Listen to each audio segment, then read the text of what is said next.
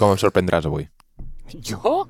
Em sorprendràs tu, que per segona vegada a la història de Safreig m'has convençut de parlar de futbol. Tio, Ahir va guanyar, ahir va guanyar el Manchester City contra el, contra el PSG a les, a les semifinals de la, de la Champions. Ja sé que t'importa una merda, però saps quin és l'equip que té més Champions del, del món? pots creure't que sabia la resposta a aquesta pregunta? Però... Ah, és el Madrid, és el Madrid, és el Madrid. Sí, amb, amb molta diferència. Sí, sí, sí, sí. Llavors, No, però, però tio, però, però es veu que quan les guanyava era un tongo, no? Que, que tio, que, que estava tot amanyat, que els hi... Bueno, digues, digues. bueno, Que igual fico la pota. no, bueno, era...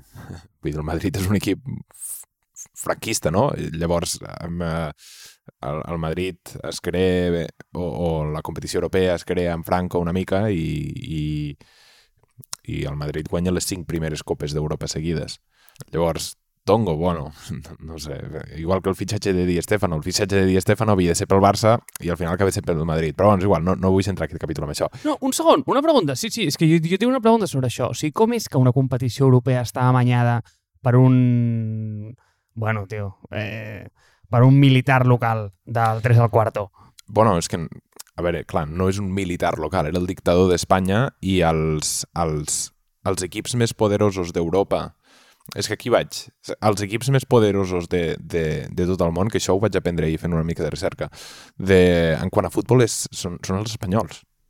És a dir, són els equips que normalment tenen més competicions, més, més, més títols a les competicions. Són equips molt forts, i sí que és veritat que només n'hi ha dos. L'Atlético de Madrid està trucant una mica a la porta, però vull dir, és, són, són, són un, uns equips que tenen dins de les competicions i dins de les organitzacions tenen molt poder.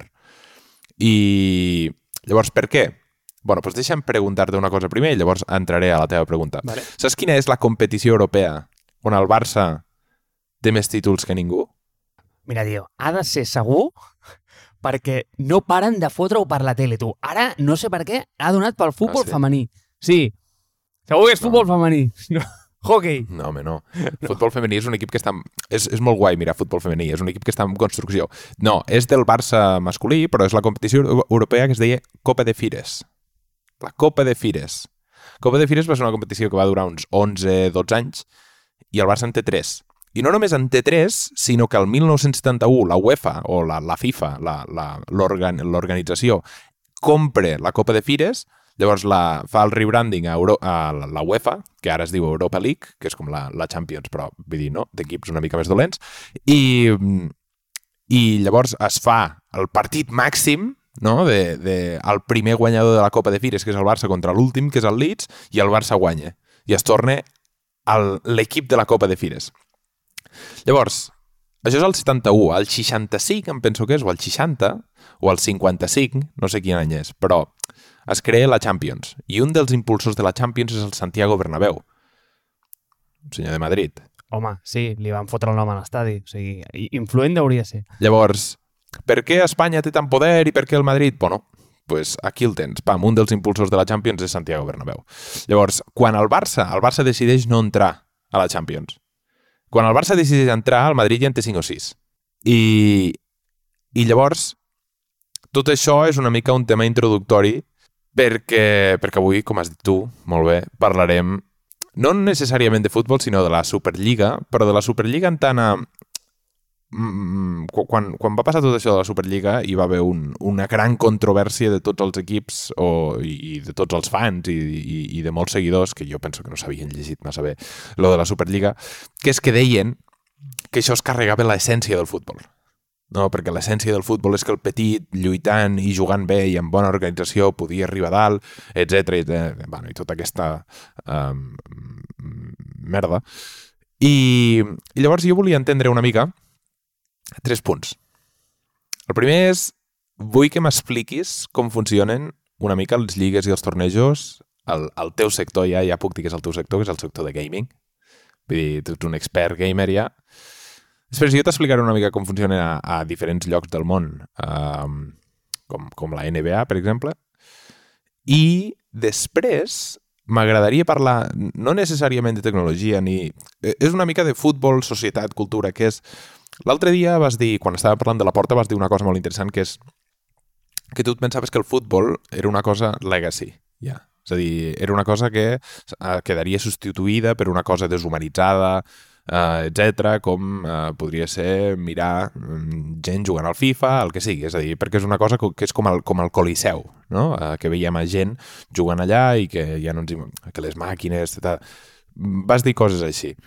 Llavors, uh, m'interessa la Superliga perquè penso que és com la manifestació d'aquesta reinvenció del futbol, no? De agafem ara explicaré una mica què és la Superliga i llavors pots, pots contestar aquestes preguntes, però agafem els millors equips, els fiquem en una lliga i per comptes de veure un Barça Estrella Roja, veurem cada setmana un Barça Chelsea, un Barça Liverpool, eh, un, un Madrid Manchester City, etc. I, i la, la pregunta és aquesta, com és que tendim a especialitzar-ho tot tant d'aquesta manera? Perquè al final els, amb gaming és el mateix, és a dir, jo no puc anar al, a la competició de Dota i a veure què passa. Entens? Hi haurà els millors dels millors. Llavors, per ficar... Aquestes són les tres grans preguntes i per ficar amb una mica de context. Què és la Superliga? Bueno, la Superliga són eh, 12, 13, 14 equips, entre ells el Barça.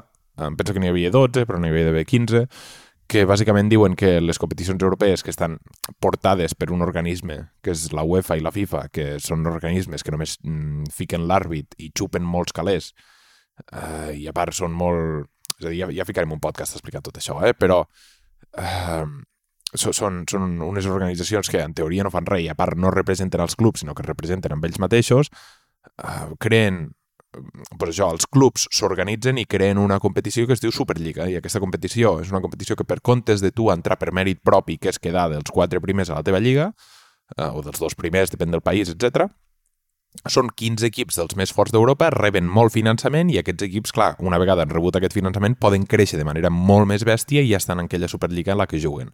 Una mica el paral·lelisme és l'Eurolliga al bàsquet. Llavors, hi va haver molta controvèrsia perquè la gent deia, clar, però és que llavors eh, no hi podràs anar per mèrit eh, i llavors els equips petits com el Sevilla o el Villarreal no podran arribar mai a guanyar la Superliga, tal, tal, tal. I és molt graciós aquest argument, i és l'únic que diré sobre aquesta controvèrsia, perquè tu mires les persones o els equips que han guanyat la Champions els últims 20 anys i els 20 estan a dins d'aquesta Superliga. Sí, no, és que és veritat, és que el Manchester City, si haguessis fet aquesta Superliga fa 20 anys, no hi hagués pogut entrar. I penses, sí, molt bé, perquè el Manchester City l'ha comprat i representa una dictadura a Qatar.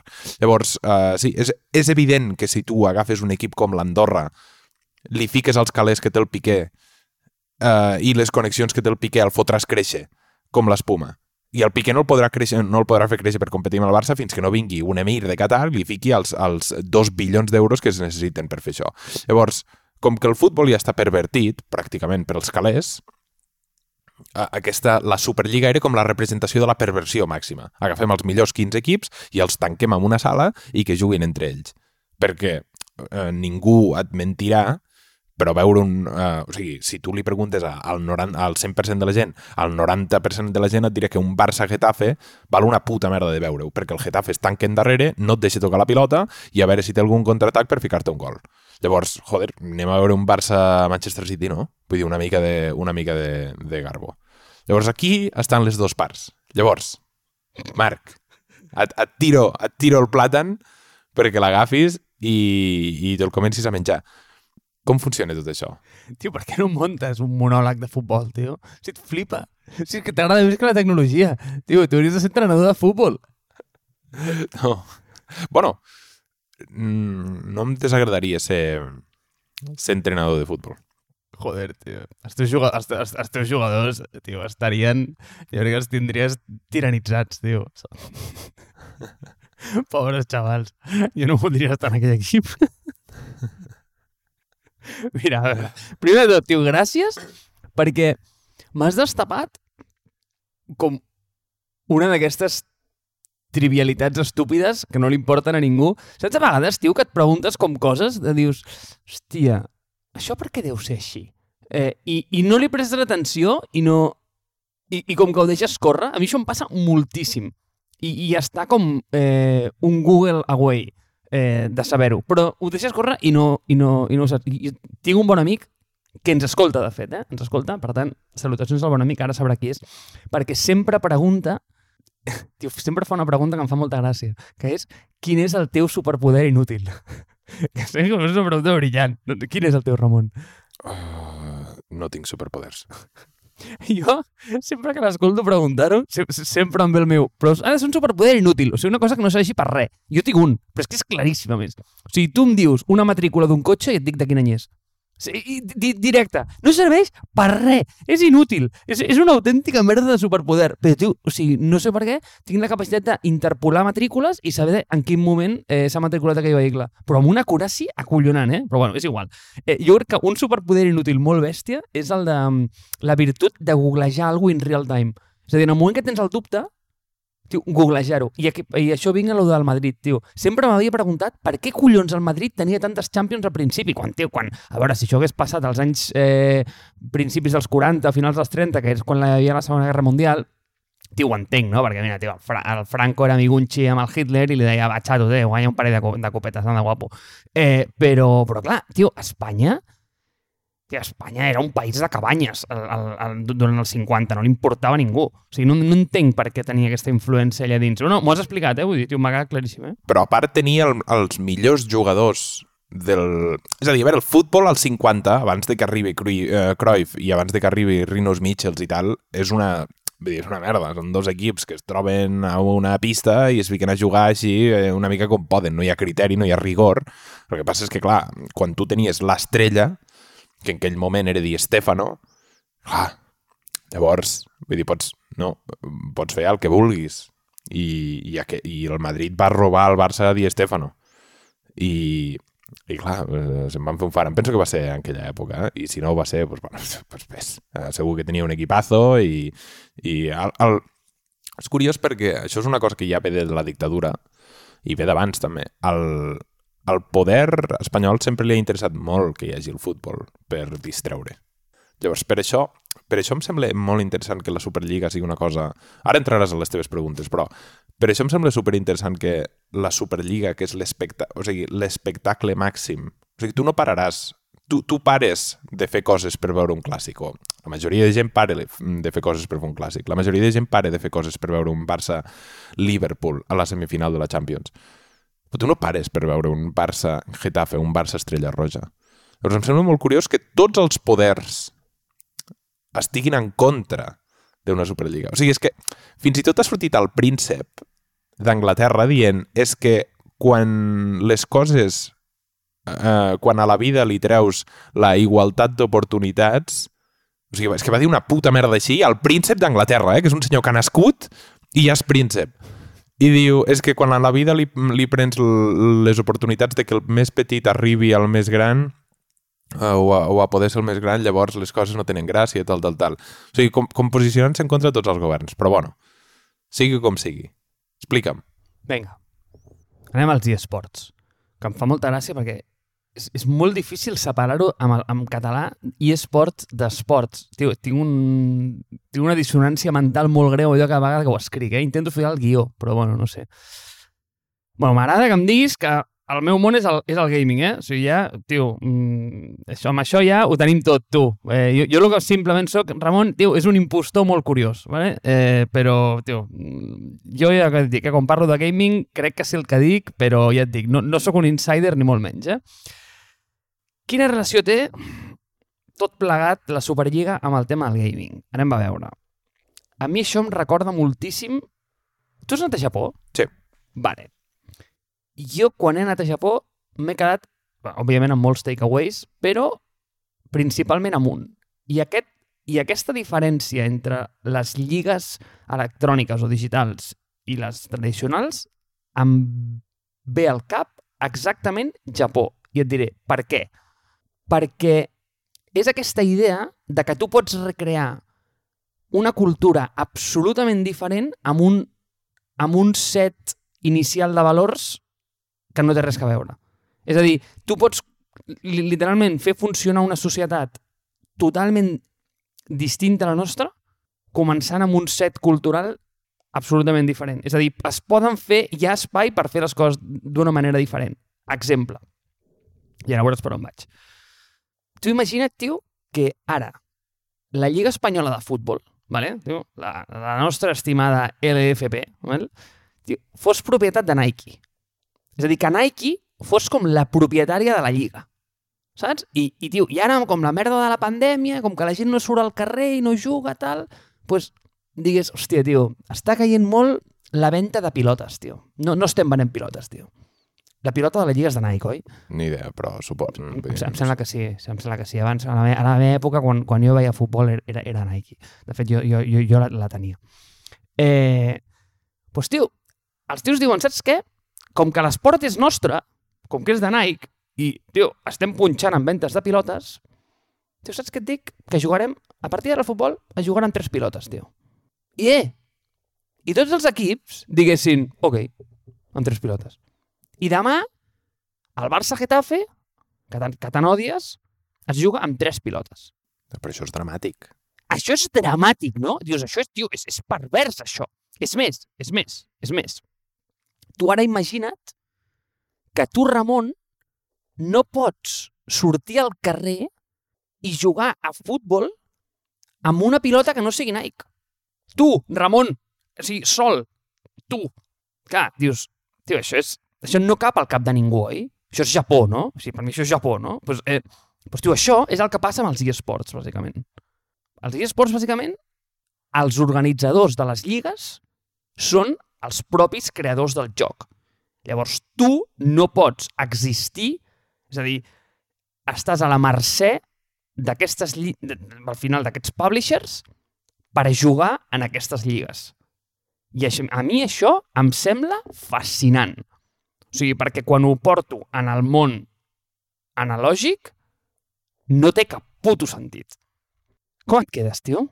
Bueno, és que estic intentant trobar el, el paral·lelisme, però, a veure, la, la UEFA és una cosa que està creada per un organigrama extern que no té res a veure amb els equips. L'organització que fica, que canvia les normes i tal, és la, és la FIFA i és la UEFA, no? O és el mateix? És a dir, ara, per exemple, no cal que hi hagi dos, dos jugadors sacant al mig del camp. O ara es pot, els, els jugadors, quan saca el porter, poden estar dins de l'àrea. Tot això ho decideix algun organigrama. Llavors et canvien el joc i, i, i és precisament això és el que és dolent de, del d'allò, que és hi ha, un organi eh, hi ha un organisme que es diu FIFA UEFA que et controla el que, Mira. tu, el que tu pots fer dins del, dins del joc. He fet una mica de research, vale, també. Llavors, tu en els esports tradicionals tens com dos tipus de lligues, vale? Per exemple, tio, tens com el model descentralitzat, ejemplo, la, la PGA de, de golf, saps? O, o la, com es diu, la, la del tennis, la-. O sigui, tu en allà tens com petits, eh, anem a dir, events mm, totalment descentralitzats i generalment com, com una lliga unificada eh, en els quals eh, tu pots participar, tio, tens l'Open Masters de no sé quantos, eh, i, tu pots participar i després hi ha com una lliga central eh, que al final pues, ordena una mica els, eh, els resultats i els, i, i, els, i els jugadors. I després tens coses més centralitzades tipus la NBA, que aquí no només ells posen la normativa, sinó que també tio, o sigui, gestionen com tots els beneficis com derivats i, i, i de, de, de, del, de, de, de, bueno, tio, de tot el circo, no? Eh, I després hi ha aquesta versió centralitzada té com una versió encara més extrema que seria com la FIFA, que és el teu exemple, que és que la FIFA el que fa és com que ordena inclús les lligues locals. O sigui, té com, eh, és un subset de la NBA, com si diguéssim, està com per sobre. Llavors, sí, estic d'acord amb el teu punt, però ells no administren el joc des d'un punt de vista comercial.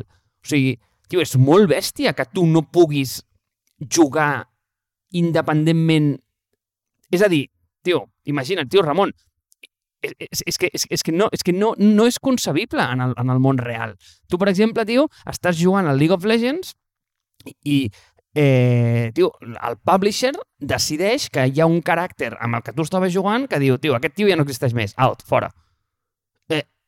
Tio, això al futbol no passa.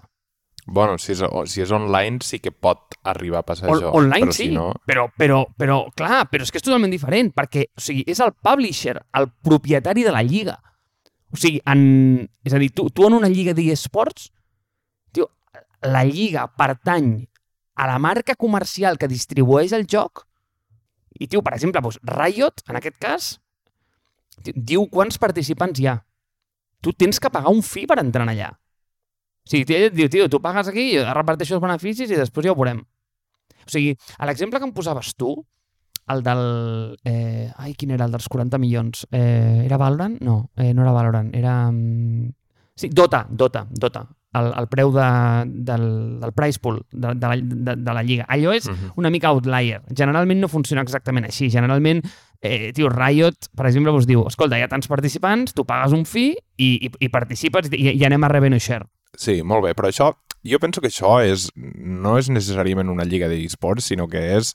O sigui, jo estava mirant aquests, aquest, aquests grans tornejos, perquè al final s'estandarditzarà això i es farà un gran torneig d'on sigui. Això és com el trofeu Ramon Carranza, o com es digui, del Cádiz, o el, el Joan Camper aquí, que el Barça diu, mira, veniu, uh, un equip que ha perdut a tots els seus jugadors amb, una, amb un accident d'avió, no? Pues veniu aquí, fotem un partit i ens, ens partim els, les castanyes.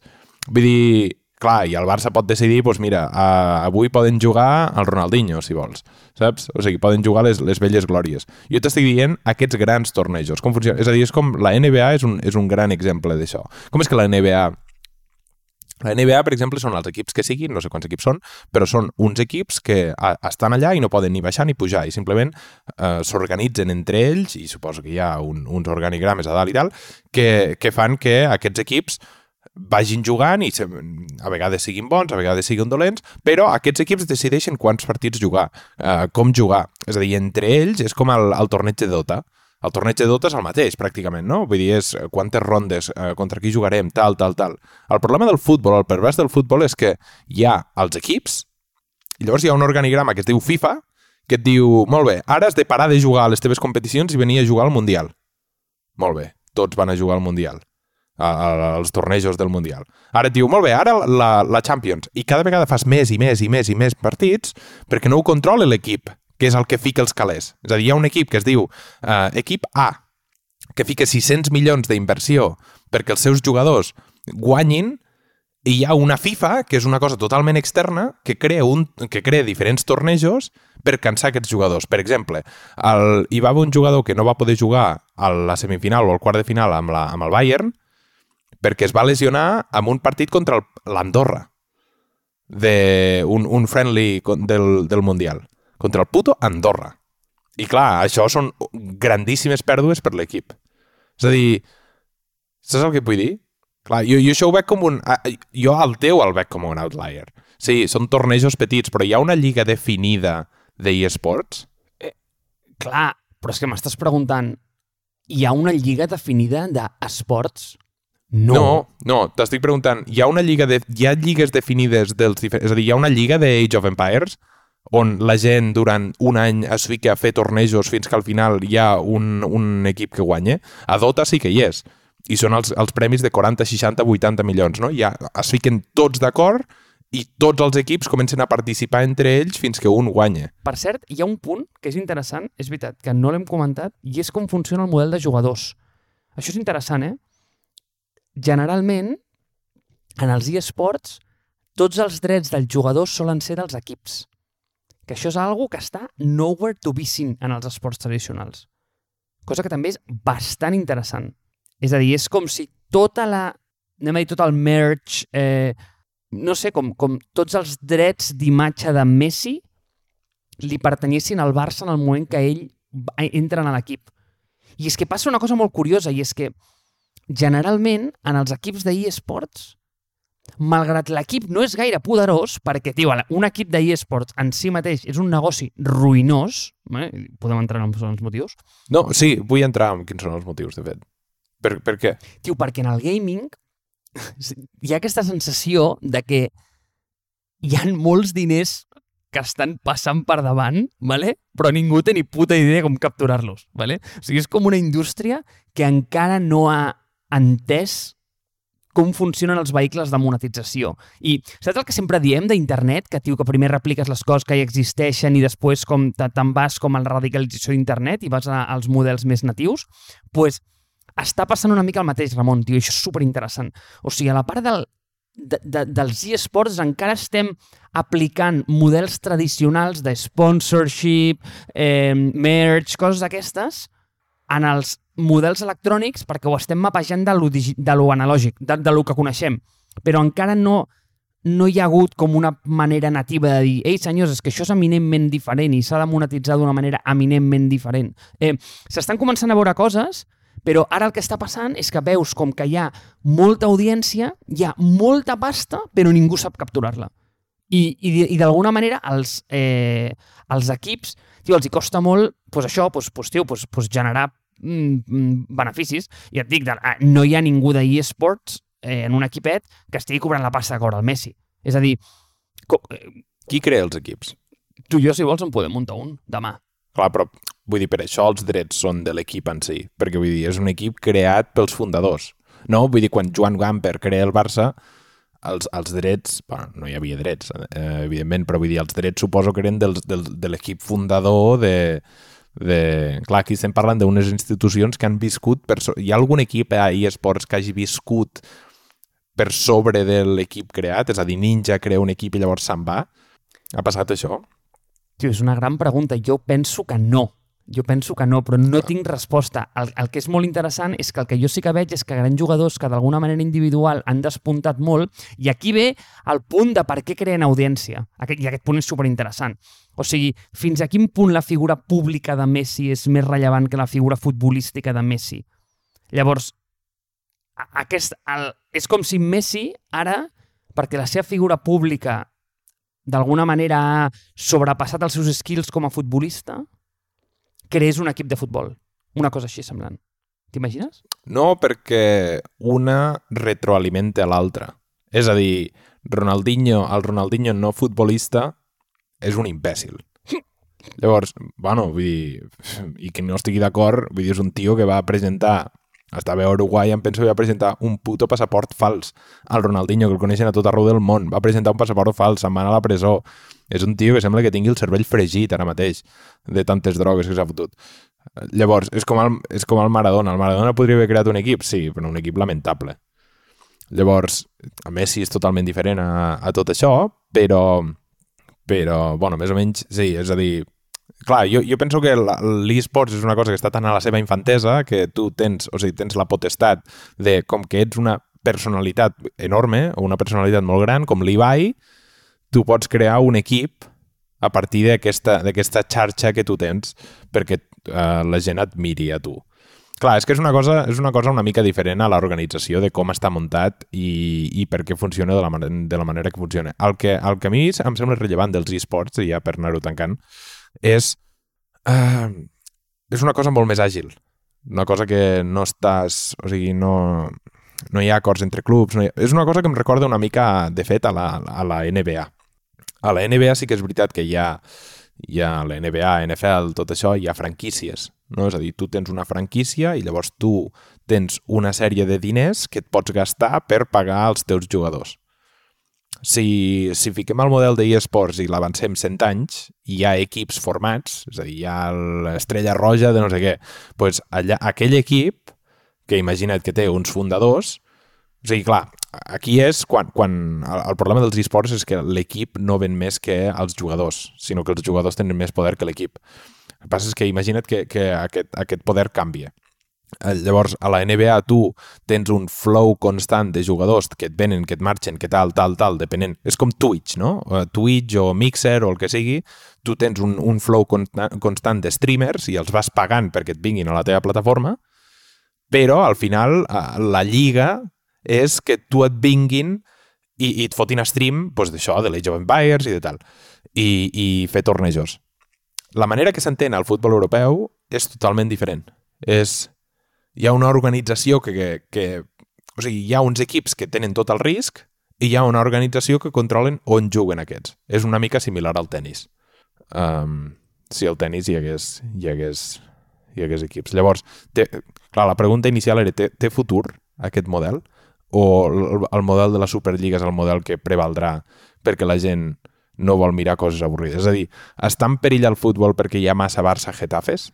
I, I la solució és ens seleccionem a 15, els fotem en una mateixa lliga i establim el futbol mundial com a la representació d'aquests?